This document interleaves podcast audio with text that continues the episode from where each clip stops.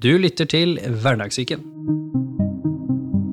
I denne episoden skal vi snakke om VR og hvordan det tar mer og mer plass inn i terapirommet som et viktig verktøy for å være med å møte forskjellige utfordringer, bl.a. kompleks PTSD og ikke minst fobier. Og du skal få møte Christer, som jobber som psykolog både i Forsvaret og i egen privat praksis knyttet til dette, og ikke minst Per Otto, som selv har brukt dette mot klaustrofobi. Velkommen tilbake til Hverdagssyken, og velkommen for første gang til begge dere to. Takk. Tusen takk. Og som vi hørte litt på introen, som ikke dere har hørt, fordi den spiller vi inn etterpå, så skal vi snakke om eh, VR og hvordan det brukes i terapi. Så nå har vi da både en som har opplevd det, og sjølveste fagpersonen sjøl. Så dere kan jo si litt hvem er nå dere for noen folk? Ja, vil du begynne? Ja, per Otto Wold heter jeg. Så jeg vet ikke hva du vil jeg skal si, men uh, Si det som faller deg inn, så skal ja. jeg komme med oppfølgingsspørsmål hvis det er noen som mangler. Ja, nei, jeg, har, eh, jeg er da far til to eh, gutter, 16 og 18 år, er seriegründer. Og har drevet mye med meditasjon, og har hatt da problemstilling knyttet til klaustrofobi, som Christer da har hjulpet meg med ved å benytte VR. Så Det er vel derfor jeg har blitt invitert her i dag. Spennende. Hmm. Ja, Christer Lunde Gjerstad heter jeg, 34 år, samboer, to små barn. Uh, Utdanna psykolog. Jobber i dag uh, som psykolog i Forsvaret, med en liten bistilling ved Oslo universitetssykehus. Og litt grann privat virksomhet ved siden av. Mm. Mm. Kan ikke bare gjøre én ting. Det er seriegründer, og det, det, det, man er litt engasjert. Bra, det. Ja, vi har jo testa det litt vi på forhånd her, så hva syns du når du observerte dette her? Hvor Vi testa litt på forhånd. Nei, det så ut som det ga effekt for eh, enkelte, i hvert fall. At de levde seg inn i det. At, um, at de fikk uh, kjent litt på høydeskrekken. Mm. Ja, vi hadde en som beskrev seg selv som en som har høydeskrekk, rett og slett. Mm. Det var jo preg av, sånn sett, på hans reaksjoner. Absolutt. Spennende. Så kan ikke du, la oss begynne med, hva er VR i terapisetting. For liksom, jeg tror de fleste på en måte har skjønt VR, men du må gjerne begynne med forklaringen der, for det er ikke alle som vet hva det er. Mm. Men da dra det videre inn i hva har dette i terapikontekst å gjøre?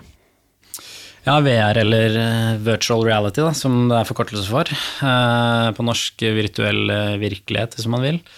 Det er jo egentlig kort fortalt eh, en, si, en, dataskapt simulering som prøver å etterligne virkeligheten eh, på en eller annen måte, og gir deg følelsen av å være et annet sted enn der du er fysisk. Da. Eh, og det gjør den jo ved å stimulere ulike former for sanser, da først og fremst synet gjennom VR-briller, men også hørsel og vibrasjon, lukt, sånne ting, da, hvis man ønsker det og berøring. Du nevnte noen hansker som er mulig å få tak i. og litt sånne ting her. Det finnes også ulike typer hansker som gjør at du kan plukke opp objekter i en virtuell verden og kjenne det fysisk. Mm. Ja. Eller kjenne smerte eller eh, temperaturforandringer, sånne ting som det. Mm. Um, og det er jo De fleste har et forhold til det kanskje gjennom spill og populære vitenskap, sånn sett, men uh, så har man jo etter hvert begynt å skjønne at det her har et potensial innenfor uh, behandling. Da. Uh, og faktisk så strekker den historien seg tilbake til begynnelsen av 90-tallet. Da begynte man å eksperimentere med VR i behandling. Mm. og måten man bruker det for, på, er jo først og fremst som et verktøy for å muliggjøre f.eks. eksponering da, for ting som, som enten er vanskelig å eksponere for i virkeligheten, eller som som, eh, som, det kanskje er mer ressurskrevende å eksponere for. Da. Ja. F.eks. Mm. en flyreise, eller eh, det å bli tatt tilbake til eh, utenlandstjeneste som forsvarsveteran. Det er eksempler da, på ting man kan bruke det til. Mm. Og så er jo vi litt sånn nysgjerrige sjeler, så vi lurer jo på litt mer enn å bare høre den på en måte faglige 'hvem er du', så hvorfor i all verden begynte du å studere psykologi? Ja, det er et godt spørsmål, altså. Jeg har vel alltid vært litt nysgjerrig på hvordan, eh, hvordan mennesker eh, fungerer, og hva som driver mennesker. Så, ja, så har jeg en mor som har jobba innenfor eh, psykiatrien i mange år, så har det blitt litt inspirert der, tipper jeg. Og fant ut at når jeg begynte på studiet, at det var noe som ga mersmak. Absolutt. Hm. Og så Hvordan havna du inn i Forsvaret og VR? Hvordan liksom dukket det opp i din psykologi i verden? Nei, det er jo egentlig litt tilfeldig, for jeg ble underveis på studiet så fikk jeg brev fra Forsvaret om at uh, du uh, trengs til førstegangstjeneste når du er ferdig, utdannet, ferdig utdannet som psykolog. Um, og skal møte opp på Steffvollmoen um, sommeren etter du er ferdig. Um, så i begynnelsen var jeg litt skeptisk til det, naturlig nok, for alle andre i klassen hadde jo fått seg jobb og skulle Jeg skulle si Det er hyggelig å få beskjed, det er seks år på skolen, nå er det rett i nytt år med Ikke sant? så, um, nei, så jeg var jo litt skeptisk i begynnelsen, men så etter hvert som jeg fikk uh, prøve det litt, da, så fant jeg ut at her er det jo ganske mange spennende muligheter. Og det å jobbe som psykolog i Forsvaret er jo eh, veldig eh, hva skal jeg si, bredt. Man får drive med mye forskjellig. Eh, og etter noen år der så kom vi over dette her med VR i behandling. Da, eh, og lurte på om det var noe vi skulle se nærmere på. fordi at eh, man hadde sett god effekt av det i, eh, i, USA på amerikanske veteraner. Så da begynte vi å lure på om kanskje vi skal prøve det på norske veteraner. Mm. Spennende. Seriegründer eh, kombinert med Klaustrofobi, jeg holdt på å si, hvordan ble du seriegründer? Kan begynne med det? Nei, det startet jo det første selskapet, da. Startet et selskap, og så syntes jeg det var moro, og så ble det et nytt selskap, og så ble det et nytt selskap, så det, det Man blir sånn bitt av basellen når man syns det, det, det, er veldig spennende å bygge selskap, og veldig slitsomt og stressende, men det blir jo Det er sånn Ja, noen egner seg for det, andre gjør ikke det. Jeg synes det er nok mitt lodd i livet. Hm. Spennende.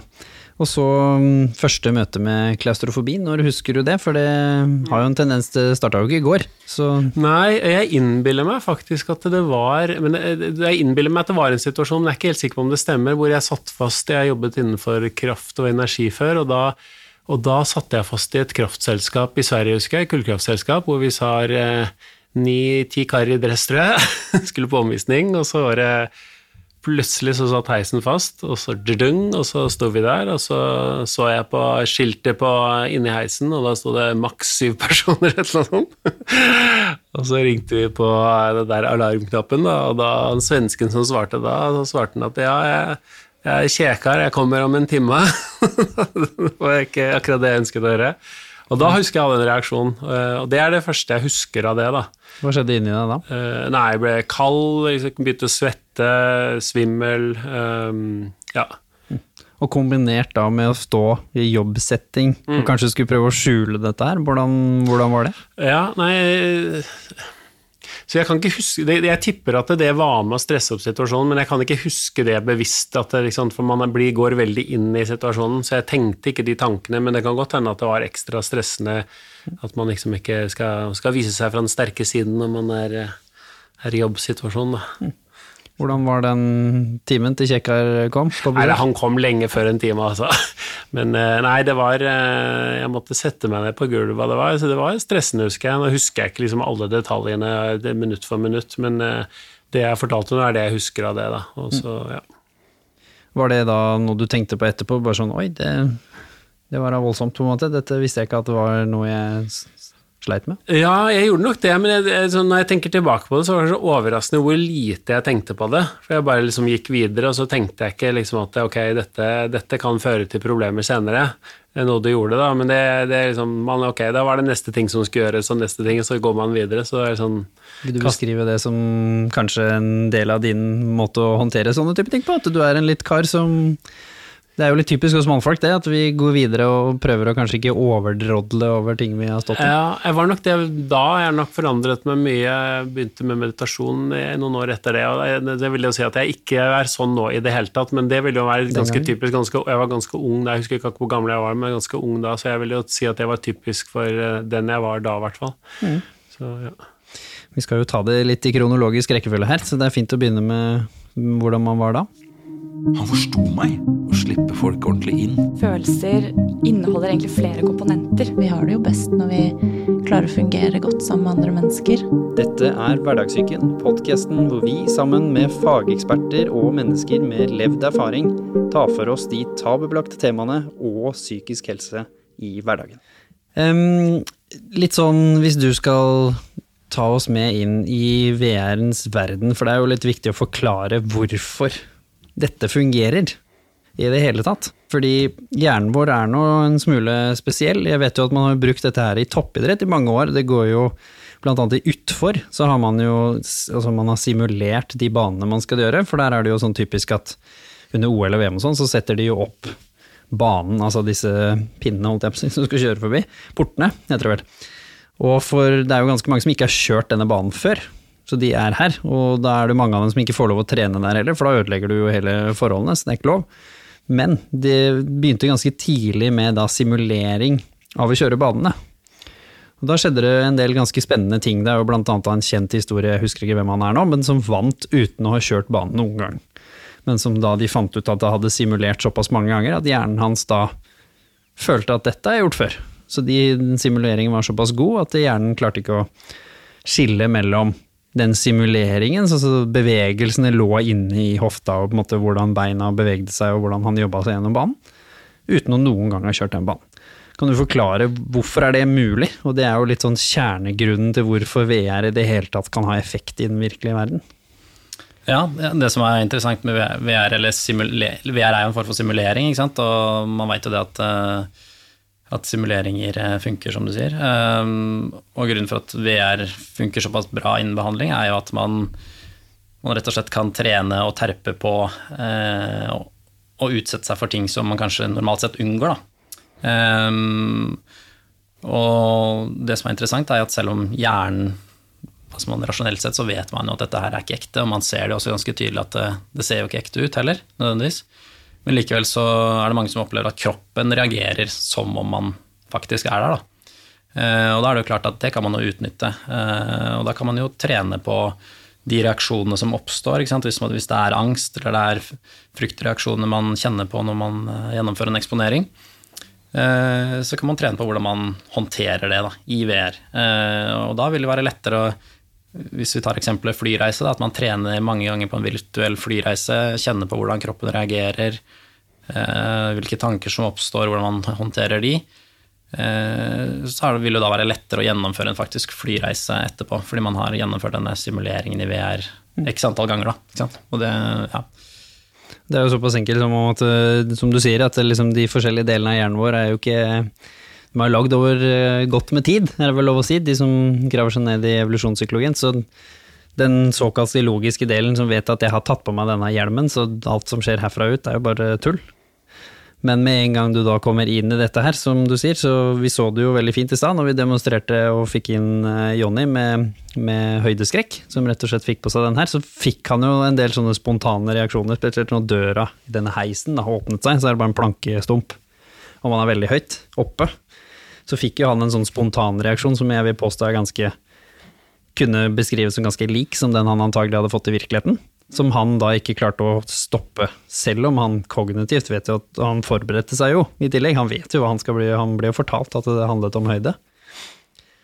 Men det er rett og slett eh, det systemet overkjører, og det er jo litt sånn typisk som skjer når man blir redd, er det ikke det? Altså det er jo det er fobi Det er jo ikke det at du ikke skjønte at det ikke er farlig å stå i den heisen heller, sånn rent sånn logisk sett. Og du hørte at noen skulle komme og hente oss snart, men allikevel så overmanner da denne frykten deg til å føle at du må sette deg ned, for høy puls, bli kald, svetter. Så det er jo samme type på en måte respons man får i virkeligheten også. Det er jo ikke sånn at det er folk som flyr rundt og er redd for edderkopp, hjelper ikke å fortelle dem at den ikke er giftig. Nei, absolutt ikke, og det er jo det som er så fint med, med VR, at du får muligheten til å trene på Eh, å håndtere det, og kan gjøre det den erfaringen med hvordan er det å Istedenfor å unngå det, da, mm. oppsøke det. ikke sant? Det må man rett og slett kjenne på kroppen, hvordan det er, for å komme seg over det. Men eh, ja, fordi hva er eksponeringsterapi, egentlig? Kan du ikke fortelle litt om det sånn grunnprinsipp, på en måte, og hvor, hva er det mest vanlig å bruke det? Fordi vi har jo toucha på noen av de temaene allerede. Ja. Eh, det er sikkert noen som vil arrestere meg på den definisjonen, men vi, vi, vi, Nei da, men øh, drivkraften bak mye angst, da, det er jo rett og slett at man unngår det man frykter. Enten det er å ta fly, eller om det er edderkopper, eller om det er høyder, eller hva det er. Så unngår man å utsette seg for det. Uh, og da, da får man heller alle muligheten til å teste ut hvordan er det å gjøre det. Så eksponering er jo egentlig det motsatte av unngåelse. Å oppsøke det man uh, frykter. Gjerne da i en litt sånn gradvis uh, tilnærming, der man begynner eh, på et litt lavere nivå med noe som er litt skremmende, og så går man gradvis opp til det som er det verste man kan tenke seg. da. Og så kan man eh, ut fra tilnærming kan man enten begynne på bunnen av denne trappa, eller man kan begynne litt høyere opp. da. Der jobber man forskjellig. Men prinsippet er jo det at ved å, ved å eksponere deg for det du frykter, så vil du erfare, både kroppslig sett og, og rasjonelt, at det kanskje går bedre enn du frykta. Mm. Mm. Eller kanskje håndterer reaksjonen din bedre enn du tror. Ja, for det er som du sier, det er jo ofte en irrasjonell frykt. Det er jo en hva skal vi kalle det, det er, det er ikke en sammenheng mellom eh, den kroppslige reaksjonen din og den virkelige oppfatningen, objektive oppfatningen av situasjonen, som f.eks. å være redd for å stå i en buss. Som de fleste av oss vet at uh, sikkert ulykker i buss også, men det er ikke derfor folk er stressa stort sett. Det handler om mennesker og stå på hverandre og sånne type ting. Og hadde det vært en objektiv frykt, så hadde jo alle vært redd for å stå på bussen. Og det er vi jo ikke, så da er det jo et eller annet som handler om det samme med edderkopper, med små rom med høyde, alle disse tingene. Så det er et eller annet uh, mismatch mellom uh, vår kroppslige reaksjon og sannheten vi forteller til oss selv, og hva som er den objektive sannheten her. Men eh, hvis du skal ta med oss inn på litt sånn Du sa det lagde flere problemer for deg, fordi situasjonen skjedde, virka som du ikke tenkte så mye på det, så gikk du videre, og så dukka det opp igjen? Når var det klaustrofobien dukka opp igjen og begynte å by på litt andre utfordringer i livet? Uh, nei, det største problemet var på den tidspunktet der så hadde jeg en jobb hvor jeg reiste mye, da. Så det var liksom, og, det, og, jeg, liksom, og jeg var ikke redd for å fly. Det var ikke noen redd for at fly skulle falle ned, men jeg likte ikke når flydøren lukket seg, f.eks. Det sånn. Så det var for, for, en periode så var det eneste problemet at liksom, ok, jeg satt der, flydøren lukket seg, og når flyet så stille, Eh, så følte jeg stort ubehag. Flyet begynte å gå, så var, det, så var det ikke noe problem. Og så var det etter hvert i heiser. Eh, og så så jeg at dette ble verre og verre av en eller annen grunn. Da. Det var litt sånn rart. Eh, jeg vet ikke helt hvorfor det, men det ble det. Og så, så var det egentlig nå for et, ikke, et år siden eller et eller annet sånn Kona, og ungdommen i familien ville til, til på ferie på Østfjorden. Så tenkte jeg nei, jeg, jeg orker ikke det stresset med å fly, jeg har ikke lyst til det. Um, men så, så, gjorde jeg det, da. Flyturen gikk, gikk, greit, men flyturen tilbake da måtte jeg liksom få en pille. Og da tenkte jeg nå, nå for å være nok krig å gå på piller, det går ikke. Mm. Så da begynte jeg å ja, gjøre noe med det, da. Ja. Vi skal komme til å gjøre noe med det snart etter hvert også, men husker du når ting ble verre? Mm. Husker du nå om du etter hvert også begynte å, som du sa, tenkte på det før situasjonen oppsto? Mm. At man liksom Første gangen det skjedde, så gikk du bare inn i heisen og tenkte jo ikke noe på det, mens når du nå skjønte oi, det er et problem, så som du nevnte nå, så begynner man etter hvert å få disse typiske angstsymptomene hvor du begynner å grue deg lenge ja. før det skjer. Ja. Kan du fortelle litt om hva slags tanker og, og hvordan det ja, Som at du sa, at du grua deg kanskje i flere dager eller timevis, eller når du var på vei, eller ja, jeg vet ikke om jeg akkurat sa det, men jeg, i hvert fall når jeg skulle ut og fly, da, så måtte, visste jeg skulle ut og fly, så begynte man liksom å tenke tanker, så kom det kanskje noen tanker noen dager før. Ikke, et, sånn som jeg husker det, så var jo ikke det mange tanker dagen før, men liksom på dagen og begynte, og så begynte på vei til Gardermoen og sånn, så begynner man å kjenne det litt i magen og sånn, ikke sant? Mm. Eh, og så eh, ja, så merker man at stressnivået går opp om at det blir urolig i kroppen dess nærmere det kommer inn og ja, på, på, flyplassen og i den situasjonen, da, blir sånn. Så det, så det var sånn jeg erfarte det, erfarte det Ja. Ja, hva er på en måte de mest vanlige tingene, da, som, som du på en måte har brukt VR på som en metodikk til å hjelpe til? Mm. Altså det aller vanligste er nok eh, det vi kaller for spesifikke fobier, da, som er det å være redd for en spesifikk ting, som f.eks. å ta fly, um, kjøre bil, ulike former for altså edderkopper, slanger, uh, høydeskrekk, sånn type ting. Så det er jo noe som VR egner seg veldig godt for, da, fordi det er ganske lett å lage de scenarioene, og mange opplever god effekt av det. Men så har du litt mer komplekse ting, som f.eks. det vi jobber med i Forsvaret, der vi jeg jobber med å bruke VR eh, for behandling av PTSD hos eh, veteraner fra internasjonale operasjoner. Eh, og da er det jo angst som er grunnproblematikken der også, men man må kanskje tilnærme seg det på en litt mer kompleks måte. Mm. Og så ser man også at det faktisk lar seg bruke f.eks. innenfor psykoselidelser og sånn, som er det, det, jeg jobber med i det prosjektet i Oslo universitetssykehus, der vi utvikler en egen, eh, et eget behandlingsprogram for eh, personer med psykoselidelse, da, som man bruker VR for å f.eks. eksponere for eh, paranoide forestillinger og sånne ting som det. Spennende. Og så Du fikk lyst til å gjøre noe. Kan ikke dere ta piller for å reise på ferie? Å ja. Nei, nei, det går ikke. Nei, så da Jeg hadde, jeg hadde testet ut ulike sånne Jeg husker ikke hva det heter for noe, ulike sånne visualiseringsteknikker hos terapeut, og så gikk jeg hos psykolog, eh, han var sikkert flink psykolog, han. Eh, Og så det, er det noen sånne problemstillinger, da, fordi at liksom Min, eh, min klausofi kom jo Det største problemet for meg er å fly. ikke sant? Det er ikke sånn ok, heis, men du kan ta trappen, og det er ikke noe, er ofte noe stor og varer ikke så lenge ofte. Og andre klaustrofobiske på en måte, Situasjonen er jo kanskje ikke så mye man opplever så ofte, da. Ehm, så nei, så, så litt av problemstillingen, men jeg kan si eh, Da jeg gikk til en, psykolog, en annen psykolog, da, så var det på en måte Så pratet med det, var jo så greit, pratet om det, og så skulle jeg på en gå eh, Øve på ting, da. Ikke sant? For eksempel eh, kjøre i tunnel. da Jeg liker ikke å stoppe bil i tunnel, da. Og så har du sånn to, to problemstillinger. Det ene er jo liksom klassisk at det liksom Jeg fikk jo bare ikke gjort det. Selv om dette var. Det var helt sånn klassisk sånn Ok, hvorfor, hvor, så jeg skjønner ikke hvorfor jeg ble liksom får gjort ting. Jeg er veldig sånn effektiv, hører jeg meg selv. Så fikk jeg ikke gjort det. Og så etter hvert så sa jeg ok, nå må jeg ta meg selv i nakken. Da. Og liksom, så fikk kona til å bli med, så kjørte vi guttungen til sko skolen. eh, Han bor, på skole, så ja, så prøvde vi å finne køer da, på morgenen. Da. Da fant vi ikke køer, da. ikke sant? Så, liksom, det var, det var liksom, vi holdt på en time, det er ikke det vanligvis finne køer som står Men det, det, blir så, det blir jo så vanskelig å gjenskape situasjonen. Ikke sant? Og egentlig, og fly, så var det sånn, ja, skal du liksom begynne å sette deg på fly og fly rundt, og, og så, det koster mye, det tar tid, eh, du har jo egentlig ikke lyst til å gjøre det, ikke sant? Så du, du har en aversjon mot å gjøre det, og det kan hende grunnen til at jeg ikke kom meg inn i den tunnelen også, var at jeg liksom, det var ikke riktig at jeg, sånn, jeg hadde en aversjon som egentlig ikke var bevisst, da. Så, nei, og så...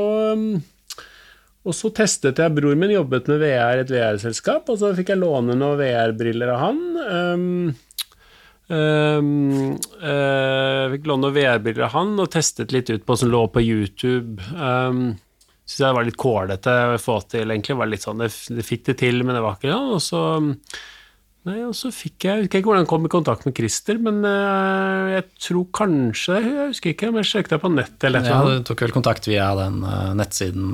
Nettsiden din, ja. Ja, ja, ja, ja. Så ja. Nei, så det er vel min reise så Ja, i hvert fall frem til da. Så kommer du da med litt sånn halvveis eh, oppfattelse av hva dette her er, og om du liker det eller ikke. Dukker opp eh, Hva er det som skjer når du kommer inn her? Er første, hvordan var første opplevelsen? Nei, så brukte vi litt tid på å prate. Eh, og det tror jeg på en måte, kanskje ikke den første praten, men etter hvert, så det var et par ting som måte, Christer støttet også, altså, som hadde tror jeg, ganske sterk effekt. vi Men så testet vi VR, snakket litt rundt hva slags scenario, og så testet uh, brillene på i en flysituasjon. Da.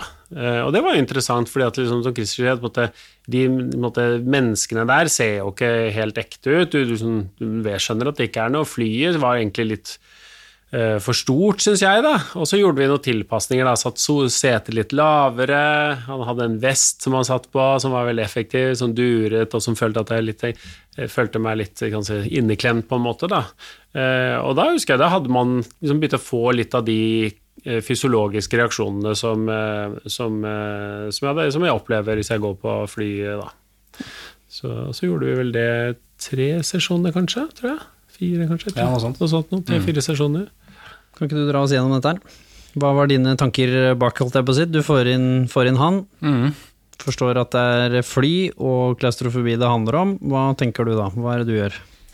Ja, da tenker jeg jo, som, eh, som han allerede har begynt å beskrive, at det er viktig med den kartleggingsfasen først. Så sånn som dere har fått teste her i dag, der vi bare har satt dere rett inn i et scenario uten noe kartlegging i forkant, eh, det ville jeg jo aldri gjort eh, i en klinisk setting. Da. Så det å bruke litt tid på å finne ut ikke sant, eh, hvor er det skoen trykker, helt konkret, hva slags situasjoner, scenarioer er det vi skal jobbe med, hvordan må vi tilpasse de scenarioene for at det skal gi best mulig effekt? Det er jo en litt sånn prøve- og feile-prosess, ikke sant? og det gjorde jo vi også. At vi, det traff jo ikke helt første gang. Ikke sant? Eh, det, var ikke så, det var ikke så mye angst første gang. Nei. Men så etter hvert som vi, f.eks. det du beskriver, at uh, nesten ved en tilfeldighet fant ut at når han ble sittende veldig lavt i setet, så fikk han plutselig ikke noe oversikt, og da, da ble det mye verre. Og så uh, tok vi på denne vesten som han beskriver, som er en sånn uh, eh, veldig sånn stram vest med noen høyttalerelementer som gjør at du virkelig kjenner turbulensen på flyet. Da. Som også gjorde at det ble litt mer ekte for deg. Da, ikke sant? Så, så den prosessen der med å skreddersy opplevelsen til den enkelte, tenker jeg er helt essensiell da, for at det skal funke. Så er det jo i alt av eksponeringsterapi, så er det jo noe som skremmer alle, det er overeksponering. At eh, man potensielt, som du sier da, altså Nå gjorde vi det heldigvis med ganske enkle ting her, men per definisjon, hvis vi hadde en med grov eh, høydeskrekk, og vi sendte dem rett opp i heisen og åpna den døra, så kunne man jo fått et angstanfall. Eh, I tilfeller, nå vet vi at Johnny ikke har så ille, så det, det var under eh, kontrollerte former, men det er noe man må være litt bevisst på. Så det er, det er viktig at i kartleggingen og at du forstår hvor sterke reaksjoner og hvor sterk denne angsten er hos pasienten før man begynner å Absolutt, og jeg vil jo ta det i pasientens tempo, helt klart, men så tenker jeg det at om det skulle vise at han hadde fått et angstanfall, så da tenker jeg det hadde ikke nødvendigvis vært eh, skadelig i seg selv, og det kunne kanskje vært nyttig, da. For det å fremprovosere et angstanfall under eksponering gir jo en unik mulighet til å lære seg hvordan man skal håndtere det. Så, så jeg pleier ofte å si det at eh, hvis du får et angstanfall, så er det det beste som kan skje, for da lærer vi hvordan man håndterer det. Ja, hva, hva gjør du da? Hvis det skjer? For det har jo sikkert skjedd. Hva har Ja, du gjort de gangene det, og det, det, og det, det, det, det er jo en veldig hva skal jeg si, enkel løsning på det, som, eh, som høres enkel ut, men er vanskelig. Men det er jo rett og slett å stå i det. Da. At man må erfare at eh, ved å kun bli værende i situasjonen, ikke unngå eller flykte sånn som man vanligvis gjør, så vil angsten avta av seg selv da, etter hvert. Uten at man egentlig gjør noe som helst. Eh, Og det er jo det vi søker å oppnå gjennom VR-eksponering, er jo å få angsten så høyt at den etter hvert vil bare gå over av seg selv, da, uten at man gjør noe spesielt. Og den opplevelsen der er jo det man måte, kommer over frykten av, da. Hva er det som skjer når det bare går over av seg selv? Sånn Nei, det er jo øh, skal si, øh, mange forklaringer, men det enkleste er kanskje at øh, måten nervesystemet vårt er skrudd sammen på, gjør at det klarer ikke å være i maks alarmberedskap mer enn så så lenge av gangen. Så, så hvis du når den øh, piken, eller toppunktet, så, så går det over av seg sjøl, enten du vil eller ikke. Og så er det selvfølgelig noen teknikker og litt sånn, og når vi hadde Jonny inn i et korte testkjøret vårt her i stad, så fikk, beskrev jo han både veldig høy puls, han fikk noen brå reaksjoner der, han satte seg ned på gulvet ganske kjapt og på en måte rista i beina, altså fysiologiske reaksjoner. Og så drev du og spurte han litt underveis, og så til slutt så gikk han jo ut på denne planken, midt utpå da i teorien i 50. etasje eller noe sånt. Og så fortsetter du å spørre, og så skjer jo mye av det du beskriver nå, med han. At han eh, sakte, men sikkert da tør å stå i det og ikke ta av seg brillene, for det kunne vært veldig lett. Bare ta av seg brillene, så går det over. Ja, ikke sant? Og det som er veldig morsomt med den måten å jobbe på, er at man, det så jo der også, man ser det jo veldig tydelig på kroppsposituren og at man, man opptrer på en helt annen måte etter hvert som man blir eh, komfortabel i, i scenariet. Og etter hvert så sto han jo på en måte ganske henslengt opp på planken der, så det, det, man ser jo veldig lett at det funker eh, hvis det gjør det. Er det noen andre ting som, sånne ting som man må tenke på? Som du sier, liksom, er det noe annet enn overeksponering som er eh, ting som man må være bevisst på da, når man jobber på denne måten? Ja, altså, man har jo ting som eh, sant, eh, folk som har fotosensitiv epilepsi. Det er noe som kan være lurt å kartlegge på forhånd, eh, fordi at man kan utløse det gjennom f.eks. bruk av VR-briller. Eller, eller at man har veldig lett for å bli svimmel. Det er jo en del som opplever det når de bruker VR spesielt første gang, at de får en sånn slags svimmelhet eller høydesyke, nesten. Da. At, så man må kanskje ta det litt sånn gradvis i begynnelsen, da, til man blir vant med utstyret og, og teknologien. Da. Og så som du sa, mm, skal jobbe med litt mer komplekse ting. Hva er liksom forskjellen med å jobbe med én spesifikk fobi og komplekse ting? Hvordan jobber du da? Kombinert VR og sikkert mer vanlige typer for terapi, da? Ja, Hvis vi tar utgangspunkt i den eh, jobben som vi gjør i Forsvaret, da, og jobber med veteraner med, med PTSD fra utenlandstjeneste, så, så er det jo viktig å si at uh, VR vil jo da kun være et, et verktøy. Da. Den metoden, behandlingsmetoden som ligger til grunn, er jo det som, som driver behandlingen framover. Og der er jo VR ett element av flere. Så, så der vil jo behandlingen bestå i ganske lang kartleggingsfase, der man kommer fram til hva man skal jobbe med, hva slags traume er det man skal jobbe med. Uh, går gjennom den historien noen ganger, sånn at det er klart både for behandler og, og terapeut. Uh, og så vil man jo da gang etter gang gjennomføre eksponeringer i VR, og med påfølgende eh, skal si, sånn samtale rundt det, da, og prosessering av det. Hvordan var det, hva lærte man i dag, hva var nytt, og opplevde man det på en annen måte enn sist? Eh, sånne ting som det. Da. Og det er jo en prosess som kanskje tar en åtte til tolv timer eller, eller lenger, da, eh, ved behov. Mm. Mens her med en spesifikk fobi, er det kortere? Lenger? Altså det, jeg skjønner at det ja, varierer fra person til person. Ofte kan jo det være kortere. enn å, hva hadde vi vel en, kanskje en tre-fire eksponeringer, da, og du opplevde relativt god effekt av det. Mm. ikke sant? Eh, men så, så kan det hende at man har behov for noen, noen oppfølgingssesjoner etter det, da, ikke sant? hvis man eh, opplever at problematikken kanskje blusser opp litt igjen. eller sånn.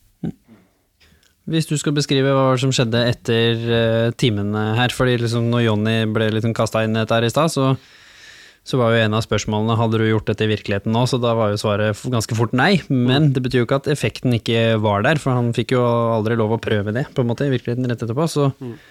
hvordan ble den første ekte flyturen din etter dette her?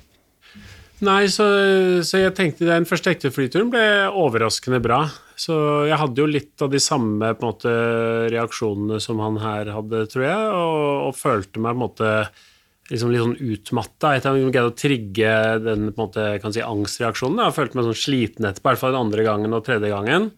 Um, og så hadde jo litt sånn på en måte Christer pusha meg ok, når skal du fly? Så det er, jo, liksom, det er jo litt det der å få litt sånn sosialt press også, komme i gang med det. Uh, nei, så den første flyturen gikk jo helt eh, Jeg var helt Den gikk jo helt Altså jeg var jo helt sånn hva, hva, skjedde, liksom? Dette er jo ikke noe problem. Og det er jo liksom sånn Folk som ikke har klaustrofobi, så tenker jeg sånn Hva er problemet? Og det kan du si på alle andre ting. Ja, hva er problemet med slanger, eller hva er problemet med ikke sant, sosial, folk med sosial angst, eller hva Det blir vanskelig å sette seg inn i andre situasjoner, ikke sant. Og da jeg satt jeg på flyet, sånn, ja, men hva er problemet her? Eh, og, jeg, flyet var ganske tomt. Jeg gikk til og med og satt meg helt bakerst i flyet. Normalt sett flyet alltid første, første rad aisle, ikke sant. Så gikk jeg satt meg bak i flyet bare for å utfordre meg selv. Da. Det liksom ville jeg aldri gjort før. Så det var nesten litt sånn overraskende. Nå høres jeg litt kokk ut, da, men jeg har vært ute og flydd etterpå også, senere enn det. Og det var sånn, så at det hadde en effekt, det er jo ingen tvil om i det hele tatt. Så jeg var effektiv, sånn, så, liksom, jeg tror tre-fire sesjoner, så var det ganske effektivt, vil jeg si. da. Så, Hva var det som enda seg for deg, hvis du skal beskrive det fra et mer vanlig persons perspektiv, i disse timene som, som du tok med deg da, tydeligvis ja. på den flyturen? Nei, så Det var jo noe liksom hvordan man, man reagerer på, på, det Men det var også noe Jeg tror også litt av den som jeg sa til Christer, liksom den derre eh, Når jeg gikk inn på flyet før, så var det altså en setning som begynte å komme opp i hodet mitt. Liksom, dette går ikke. Liksom Jeg ser et fullt flyfilm, kommer inn i gangen der, flyet er varmt sånn, dette går ikke. Ikke sant? Og, og, og da blir man veldig sånn offerrolle. Ikke sant? Og så skulle Christer sa et eller annet, ja, men så må du heller ta den der som egentlig er egentlig min natur. Sånn, ok, bring it on, liksom. Dette går bra.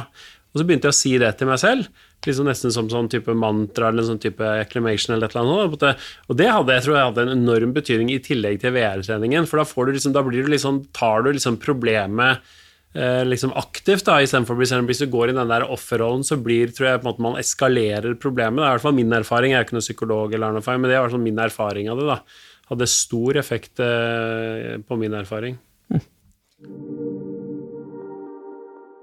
Ja, fordi de fleste frykter og angster, som vi sa, de har jo en tendens til det er jo en kjensgjerning at til slutt så har man angst for angsten, på en måte. Eller man har frykt for frykten.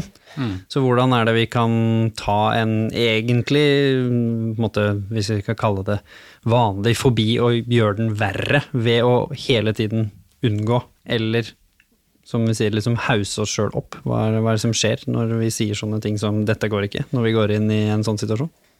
Nei, altså For det første så frarøver man seg jo selv muligheten til å teste ut om de forestillingene man har, stemmer. da. Og hvis man blir gående lenge nok, så, så er jo hjernen sånn at den ofte liker å skape verre og verre forestillinger om hvordan det kommer til å bli når man faktisk gjør det. Eh, og fantasien er jo ofte mye verre enn virkeligheten.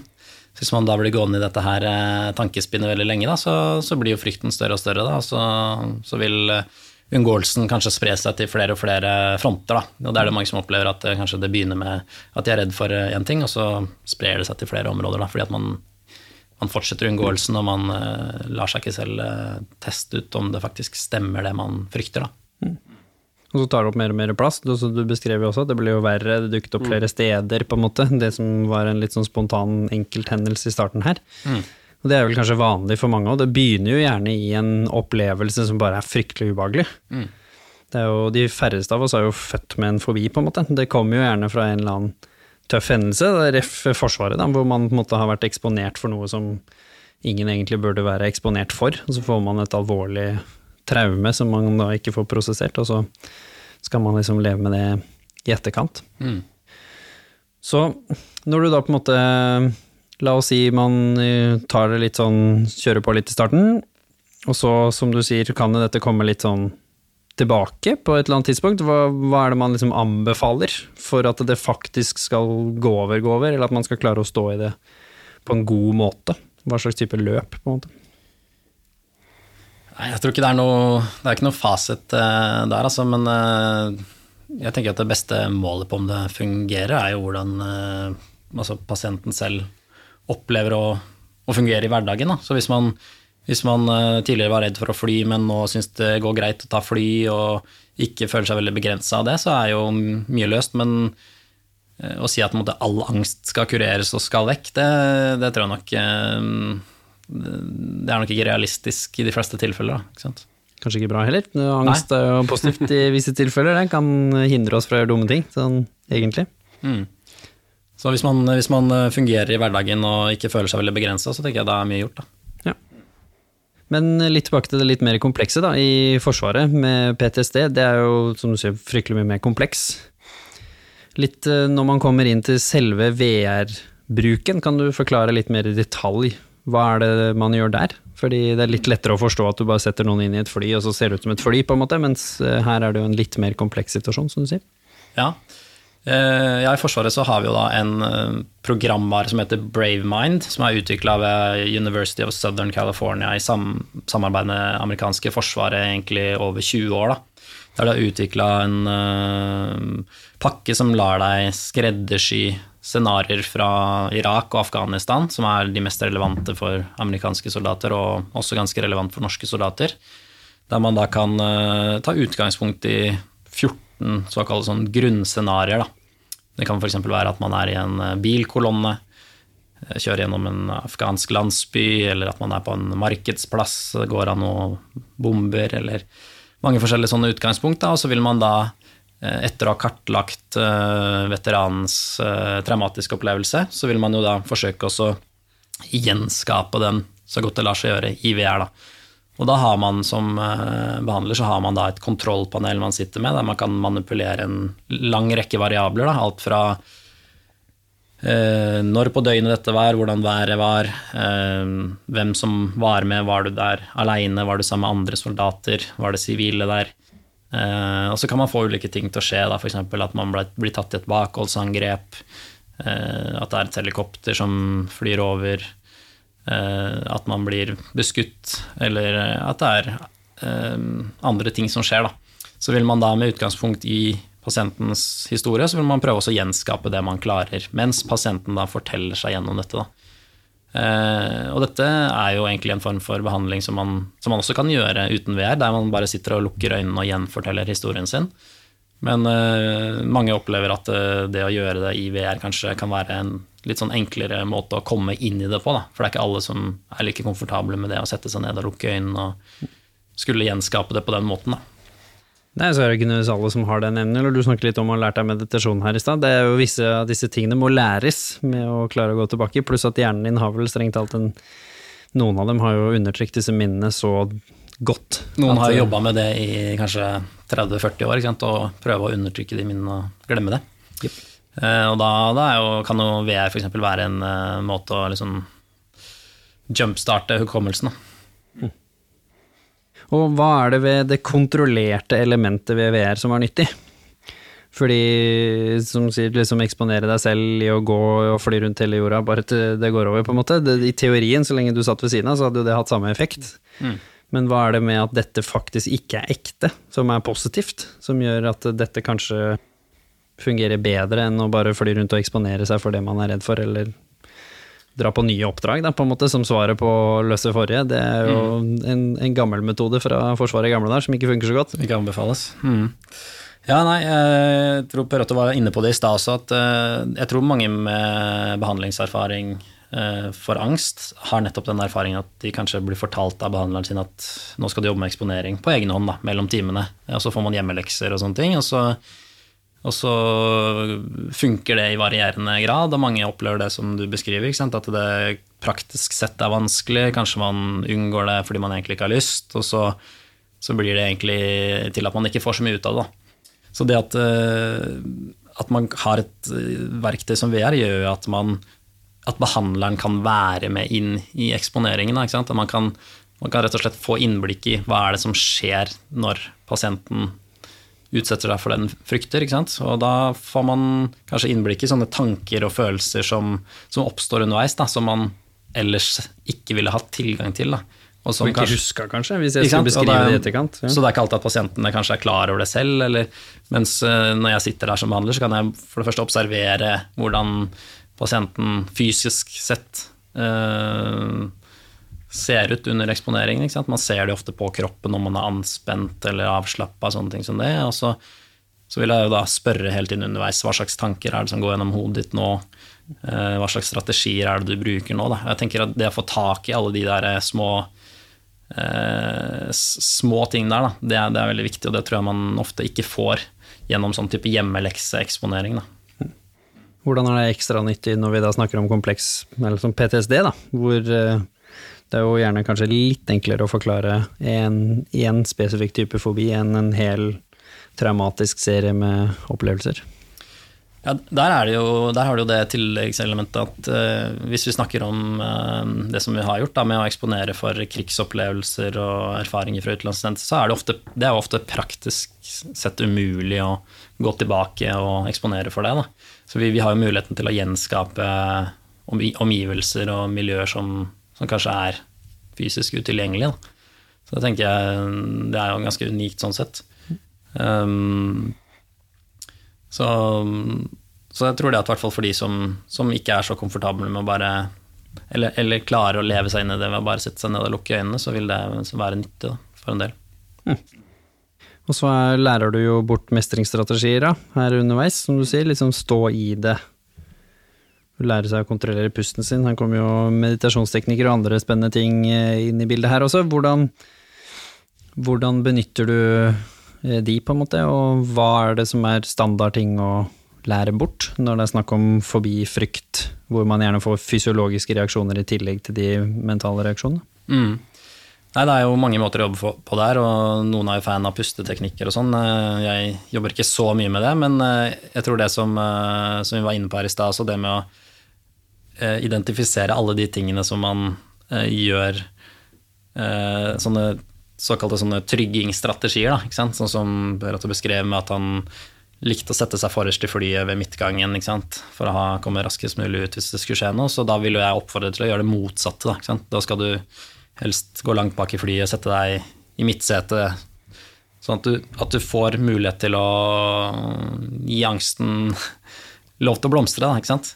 Man gjør det motsatte av det man er trygg med, og det man vanligvis gjør. og da da er det mye større sannsynlighet for at man får tak i den angstreaksjonen. Da. Og da får man også lære seg hvordan man skal håndtere den. Og det, det, det finnes jo mange triks og teknikker der, men jeg tenker at det enkleste er ofte bare å tillate seg selv å kjenne på det, og kjenne at det går over av seg sjøl.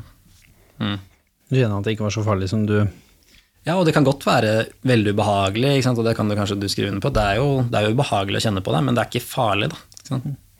Ja, når var det du merka det? At dette er ubehagelig, men farlig er det ikke. For det er jo en sånn logisk kobling som må til i hjernen ofte, som kobler sammen logikken og følelsene våre her, da, og plutselig bare ja, vent litt. Her er det kanskje noe inni hodet mitt rundt denne fobien som ikke helt Ja, altså Logisk sett så oppfattet jeg aldri at jeg tenkte aldri at det var farlig. selv om måte, altså, Man kan jo liksom sikkert forklare med liksom, det å bli lukket inn i en boks kan jo være farlig måte, hvis man går tilbake i måte, liksom, uh, hvordan ting har utviklet seg. Men jeg har aldri tenkt at det er, det er farlig å være, liksom, sitte fast i en heis eller sitte fast i et fly. men men, eh, men det er sånn Christer sier, at jeg husker liksom, vi, vi satt i jeg tror det var sesjon to kanskje, eller tre, eller noe, hvor jeg begynte å kjenne på det, hvor det ble så ubehagelig at det, ok, nå nærmer det seg at dette, dette vil jeg ikke lenger. dette går, begynte å få den tanken dette går ikke. Og da fikk jeg en trigging fra Christian. Liksom, ja, hva mener du vel ikke det går, tror jeg vi snakket om. Liksom. Ja. Det, da ble jeg liksom så bevisst på at den der, ja, dette går ikke. Og så kjente jeg på, eh, på veldig stort ubehag. da. Stort ubehag. Følte at ok, nå har jeg lyst til å måtte slutte sesjonen. da. Um, og så gir jo på en måte VR i den formen det er mer kontroll, fordi at du, du vet jo at du kan avslutte sesjonen, mens hvis du er på flyet, så er det sånn ok, du kan ikke liksom bare gå ut av flyet, eller ikke sant? Så du, på en måte, du får eksponeringen, men du har litt mer kontroll på eksponeringen. Og som vi sa i stad, så du kan jo på en måte Det er mye enklere å få de riktige eksponeringene. Ikke sant? Du kan teste ut hva er det du egentlig reagerer på. Enn istedenfor å fly rundt hele verden og prøve å få, få de riktige um, eksponeringer. Ja. Så um, ja. Og så tror jeg Det som du nevner der, det med at man, man vet at man kan avslutte når man vil, det også er ganske viktig. fordi sett, Det er veldig få jeg har sett som faktisk har avslutta det eller tatt av seg brillene. Det tror jeg aldri har skjedd, nesten. Men bare den vissheten om at eh, dette kan jeg, dette styrer jeg, da. Jeg kan avslutte når jeg vil. Det tror jeg også gjør at mange tillater seg å gå litt lenger enn det man ville gjort i virkeligheten. Hvis, ikke sant?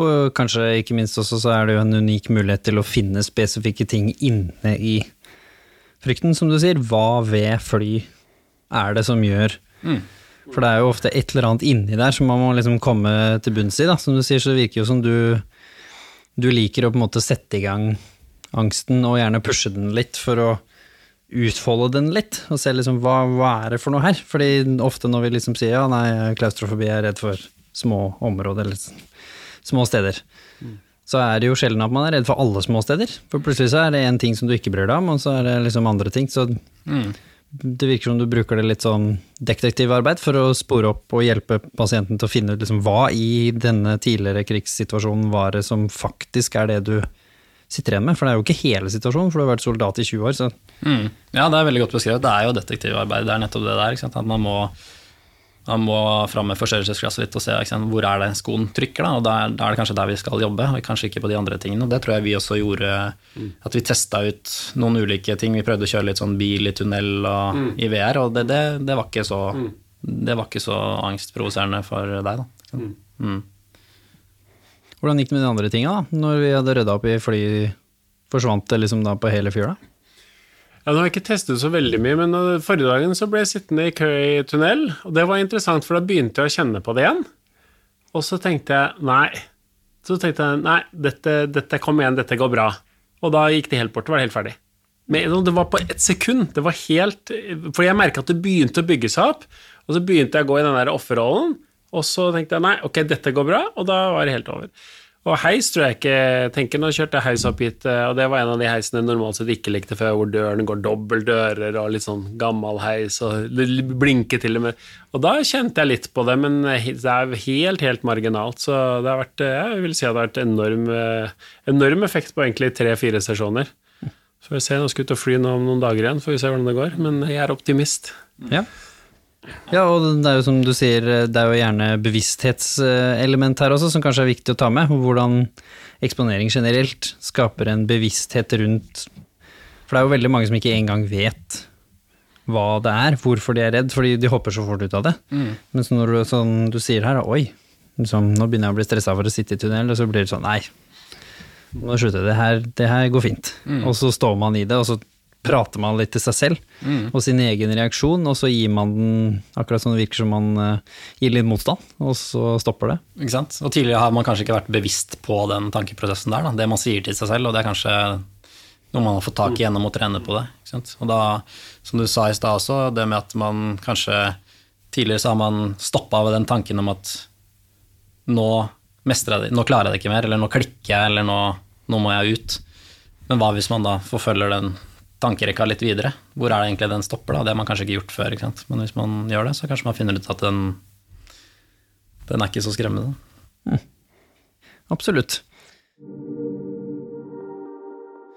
Så um, hvis du litt mot um, slutten her skal fortelle litt om uh, hvordan det her da gjorde livet ditt litt uh, enklere, men også hvordan du kanskje tok den samme metodikken inn i andre ting i livet. Fordi du lærer jo en metodikk her, som er litt den der at eh, visse ting rundt oss kan eh, oppleves som verre enn det det er i virkeligheten. Mm. Fikk du noe nytte av dette her i andre deler av livet?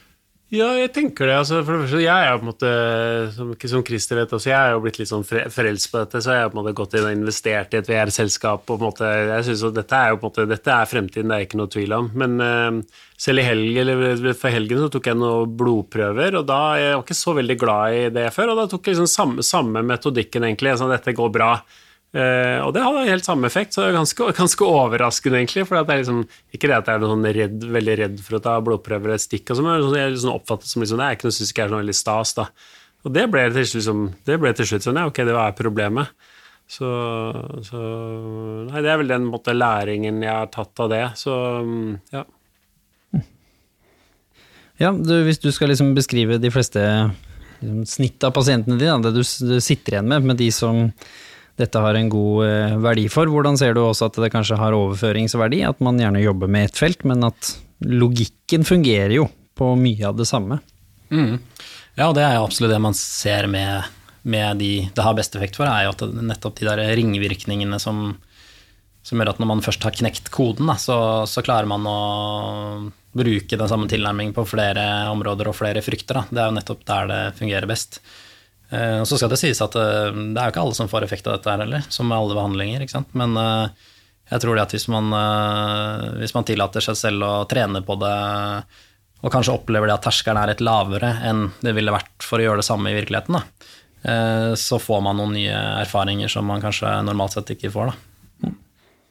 Fremtiden, da. Dette er en episode som skal handle om at dette potensielt kan ta større plass i fremtidens eh, psykologi. Hvis du skal titte inn i krystallkula, du har jo allerede dyppa tæra oppi dette her, så hvordan tenker du dette her vil eh, se ut om ti år? Ja, godt spørsmål. Eh, Jeg liker jo det spørsmålet, fordi jeg tror det kommer til å skje veldig mye på den eh, fronten der. og som Per Otto nevnte her også, så er det jo det skjer jo, det skjer jo litt eh, i Norge også. Det er mange selskaper som jobber med å utvikle VR-innhold innenfor behandling av mental helse. Og man, mange har hørt om eh, Facebook, eller nå Meta, da, sin store satsing på sitt Metaverse, som er jo spådd å bli en eh, kjempemilliardindustri, også innenfor helse. Eh, Der man ser for seg digitale klinikker der man kanskje kan gjennomføre egentlig heldigitale behandlinger da, hjem, hjemmefra med VR-briller f.eks. Så jeg tror at dette kommer til å få mye større utbredelse, men for at det skal gjøre det, så må det jo f.eks. komme inn på utdanningene da, for, eh, for psykologer og, og behandlere, og der er det jo ikke så mye som skjer ennå.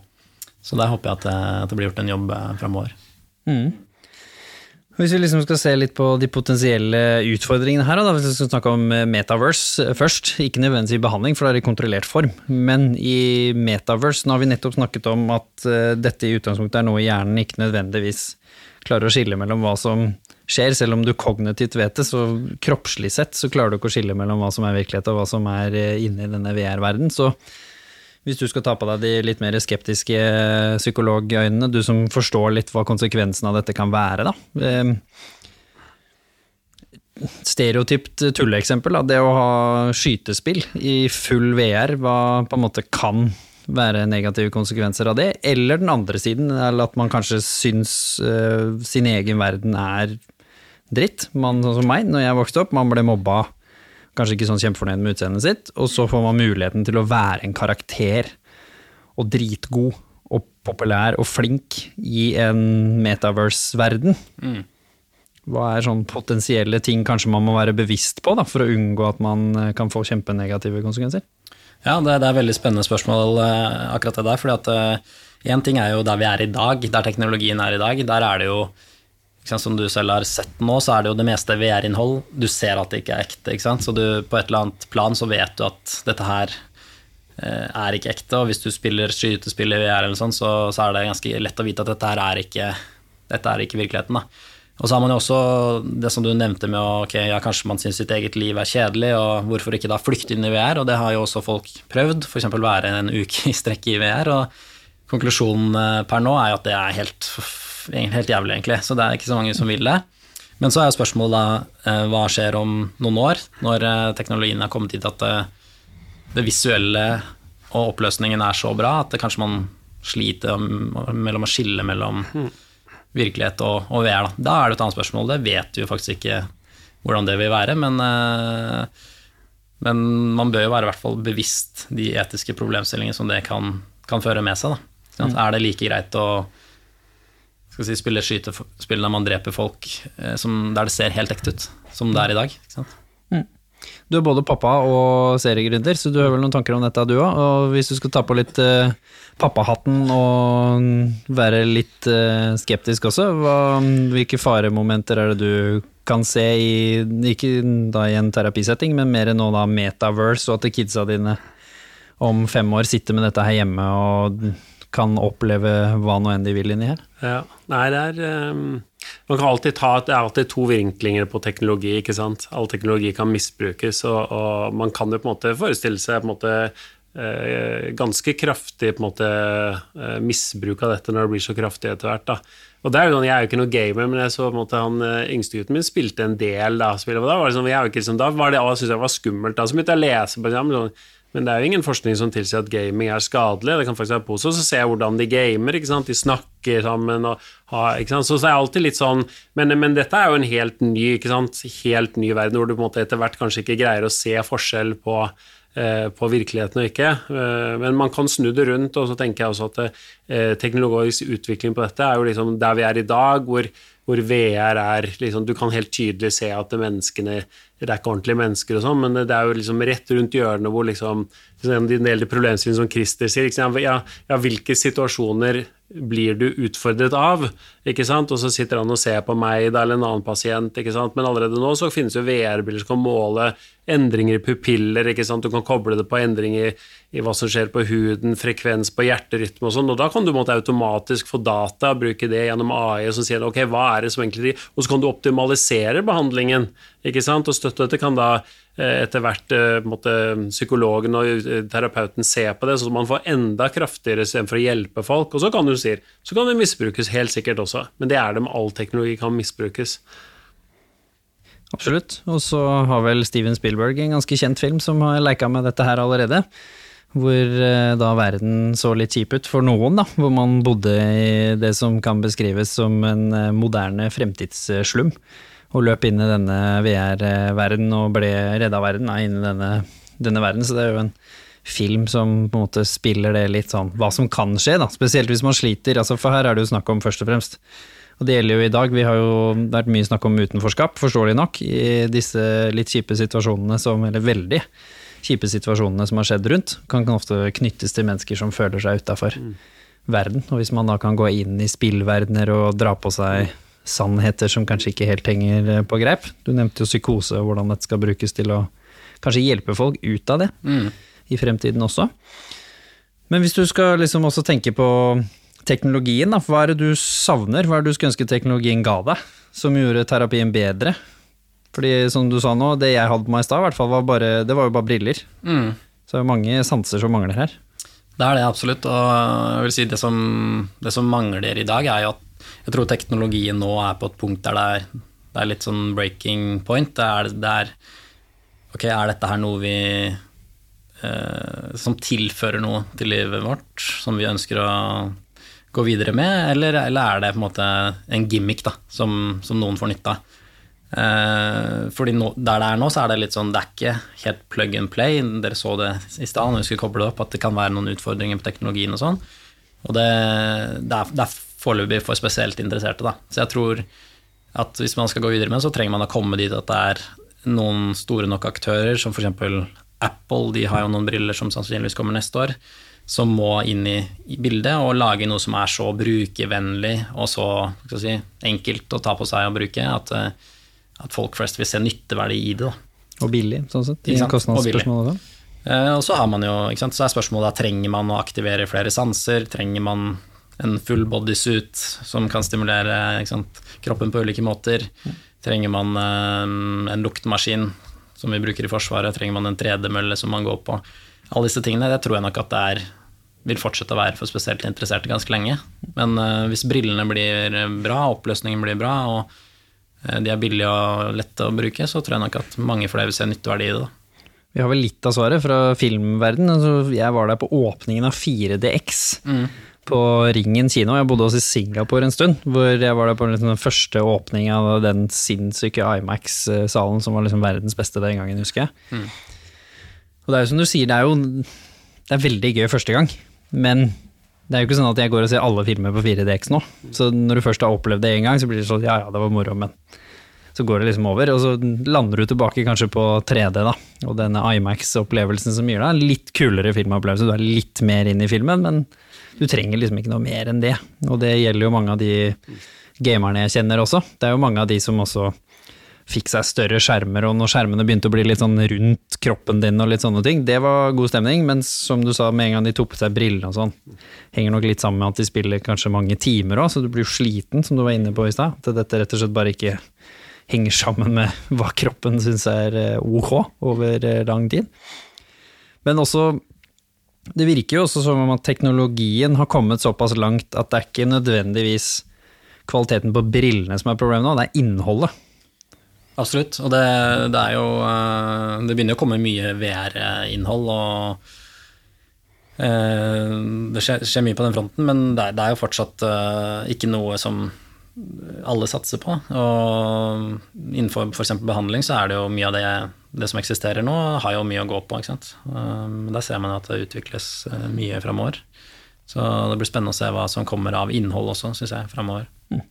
Og Forsvaret har mye penger, så der er det jo alltid spennende når med en gang de er involvert, så kommer det jo gjerne Jeg regner med de scenarioene som du har Hvis du skulle sammenligna det scenarioet versus det der edderkoppkålet som jeg drev med i stad, hvor mye høyere kvalitet er det på det forsvarsinnholdet enn den edderkoppgreia jeg surra med her? Nei, altså det, det er nok ikke nødvendigvis så mye høyere sånn visuelt sett kvalitet på det, men, men selve totalpakka er nok, er nok mer velutvikla og sammensatt. Da. Men mye, det er det skal sies, mye av det som er utvikla, er utvikla for forrige generasjons VR-utstyr. Eh, Deriblant det vi bruker i Forsvaret. Eh, Mens det dere fikk testa nå, er jo utvikla for dagens generasjon VR-utstyr, som gjør at det kanskje visuelt sett blir bedre. Så har vi jo Avatar-eventet, skal jo være beste animasjonen noensinne, så da får vi jo se da, om noen måneder hva, hvor ekte uekte kan se ut. Mm. Spennende. Hvis dere skal avslutte med et uh, enkelt uh, tips, hvis det sitter noen der ute nå som sitter med en fobi som deg, som er en, eh, en typisk person som kanskje ikke vanligvis eh, ville brukt så mye tid på dette, men nå merker de at det begynner å liksom, Nå er det unødvendig mye i veien for det livet jeg vil ha. Hva har du å si til de, hvis de ble litt nysgjerrige nå?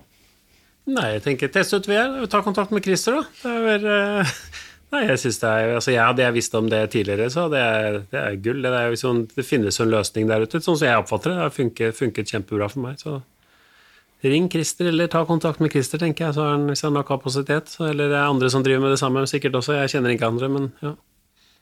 Så det er bare å prøve det. Være tøff. Ja. Har ikke noe å tape. Ja, jeg tror ikke du trenger å være så tøff eller vage. Det er ganske på en måte Jeg tror, eh, sånn som jeg oppfatter de sesjonene vi hadde, var eh, mindre krevende enn en, enn det jeg jo reiser på en flytur, da. Så sånn så tenker jeg det er bare å få, liksom, få ut fingeren og gjøre det. Til behandlere der ute som sitter og hører på og tenker liksom dette høres jo spennende ut, hva, hva har du å si til de? Hvis eh, de følte seg litt nysgjerrig på å kanskje teste ut dette og bringe det inn i sin måte å møte pasienter på? Nei, da sier jeg da er det bare å ta det første steget, da, og det er å prøve å teste ut. Se, se eh, det kan, om det kan gi noe til din praksis, og om, eh, om dette er noe som pasientene syns fungerer. Da. Um, så bare hopp i det. Og til studenter, vi har studenter som hører på også, som studerer. Hvis ikke vi har dette på skolen, hva, hva gjør de da? Går det an å lære noe om dette her som gjør at de kan være litt forut sin tid? Ja, altså det, det, det gjør det absolutt, og det, heldigvis så er det jo det er, er i ferd med å innføres på noen, på noen studier. Så, så etterspør det, hvis man f.eks. går på psykologistudiet, etterspør eh, hvor er eh, bruk av teknologi i behandling på timeplanen. Ut for rektor. Det er alltid moro. Nydelig. Takk skal dere ha. Um, og tusen takk til alle dere som hører på. Da har vi leika litt inn i fremtiden, men også i nåtiden, så vi fikk sett hvordan dette fungerer i dag, og kanskje hvordan dette kan være med å fungere både i terapirommet og inn i livene våre i fremtiden. Ha en så teknologisunn dag som overhodet mulig, folkens.